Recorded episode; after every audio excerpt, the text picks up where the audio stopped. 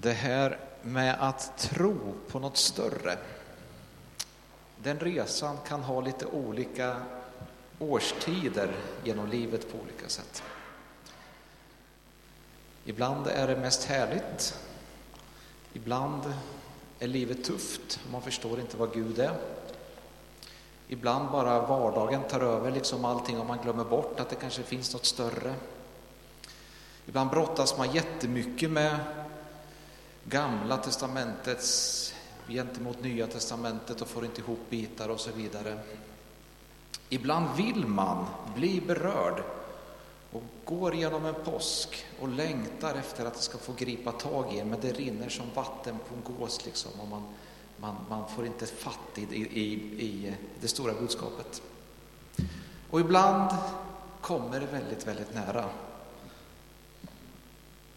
och blir väldigt, väldigt betydelsefullt. Eh, jag hade en, en påsk för ett antal år sedan, för sju år sedan, när, som, var väldigt, som var väldigt rik för mig. När liksom hela påskbudskapet kom väldigt nära. Och när jag tyckte att en massa saker föll på plats. Eh, så liksom för, för, att göra någonting med det här så skrev jag ner det här i en text som jag kallade 17 teser om påsken, som jag tänkte dela med er. Jag har delat den här förut en långfredag om ni tycker att jag upprepar mig, men det var någon som tyckte att jag skulle ta det här igen, så, så det, är inte, det är inte bara för att jag tycker att det är så bra. Så nu kommer det 17 teser om påsken. Om det är sant att universums skapare gjorde sig besväret att födas som människa, i så fall måste han ha haft väldigt goda skäl. Och om det är sant att den främsta orsaken till det här människoblivandet var att dö en ställföreträdande död för alla oss människor. I så fall måste vi människor vara mycket trasigare än vi riktigt kan förstå. Rent logiskt så är det ibland svårt att förstå att, att enda sättet skaparen kunde rädda mänskligheten på var genom att dö för oss. En allsmäktig Gud kunde inte han bara ha sagt ett enda skapande ord och, förändrat allting och sluppit den här pinan och den här komplicerade biten med döden på korset och de här bitarna. Och när man brottas med de här frågorna, då är det väldigt förtroendeingivande att läsa om Jesu kamp i Getsemane trädgård. Hur han själv brottades med precis samma fråga. Abba, Fader, för dig är allting möjligt. Finns det inte någon annan väg? Finns det inte något annat sätt? Ta denna bägare ifrån mig om det går. Om det är sant att Människosonen, alltså den treenige, själv sökte en enklare lösning in i det sista, finns det ingen annan väg. Men ändå kom fram till att det här var den enda vägen. I så fall känns det väldigt angeläget att få del av det här.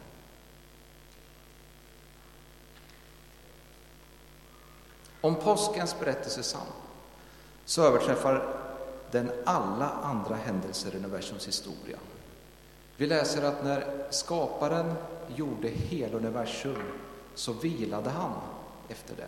Men det verkar inte som skaparen har varit speciellt trött eller sliten av att skapa ett helt universum. Däremot, när Människosonen kliver in under all människans svek och bortvändhet så läser vi att han svettades blod. Och vi inser att den fysiska smärta som Jesus genomled när han pryglades och korsfästes, den var fasansfull. Men om det är sant att han gick in som ställföreträdare för hela mänsklighetens skuld, svek, bortvändhet, så kan vi inte med vår vildaste fantasi föreställa oss den smärta som han upplevde andligen. För hela mänsklighetens trasighet, all vår skuld och svek, allt trasigt, det måste innefatta alla krig, all terrorism, allt förtryck, all slavhandel, all trafficking, all kvinnomisshandel, all rasism, all snedfördelning av jordens resurser med människor som dör och lider ofattbart, alla stora och små miljöbrott. Och det måste inkludera din och min trasighet på djupet. All vår skam, all vår skuld och bortvändhet, alla våra rädslor, alla våra tillkortakommanden, all egoism, all girighet, all pryl och utseendefixering, allt drogmissbruk, liksom all arbetsnarkomani och träningsnarkomani, all stress, all utbrändhet, alla våra relationsproblem, all vår inre smärta, all sjukdom och all död. Om det är sant att det här gjordes av kärlek och medlidande med oss människor och med vår trasighet, då måste den treenige vara ett oerhört omsorgsfullt och kärleksfullt väsen. Om påskens budskap är sant så kan vi inte annat än häpna över det underbara i att lösningen på människans trasighet handlade om att införa en ny universell ordning. Den transformerande och förvandlade kraft som vi känner som nåd. Om det är sant att människan är så trasig att hon måste anstränga sig till bristningsgränsen för att inte göra det onda, men blir sämre och sämre på att älska, vilket är det egentliga målet, ju hårdare självdressyr hon utsätter sig för. I så fall förundras vi över det geniala i denna oväntade lösning med nåden. Och om detta med nåden verkligen är sant, så verkar många kyrkor ha svårt att på djupet våga tro på den här nåden, eftersom kristna gemenskaper allt för ofta kännetecknas av perfekthetens masker, där alla privata misslyckanden sminkas över och göms och förnekas. Och när någons sköra skal brister i smärta så flyr den drabbade i skam från sina nådesyskon.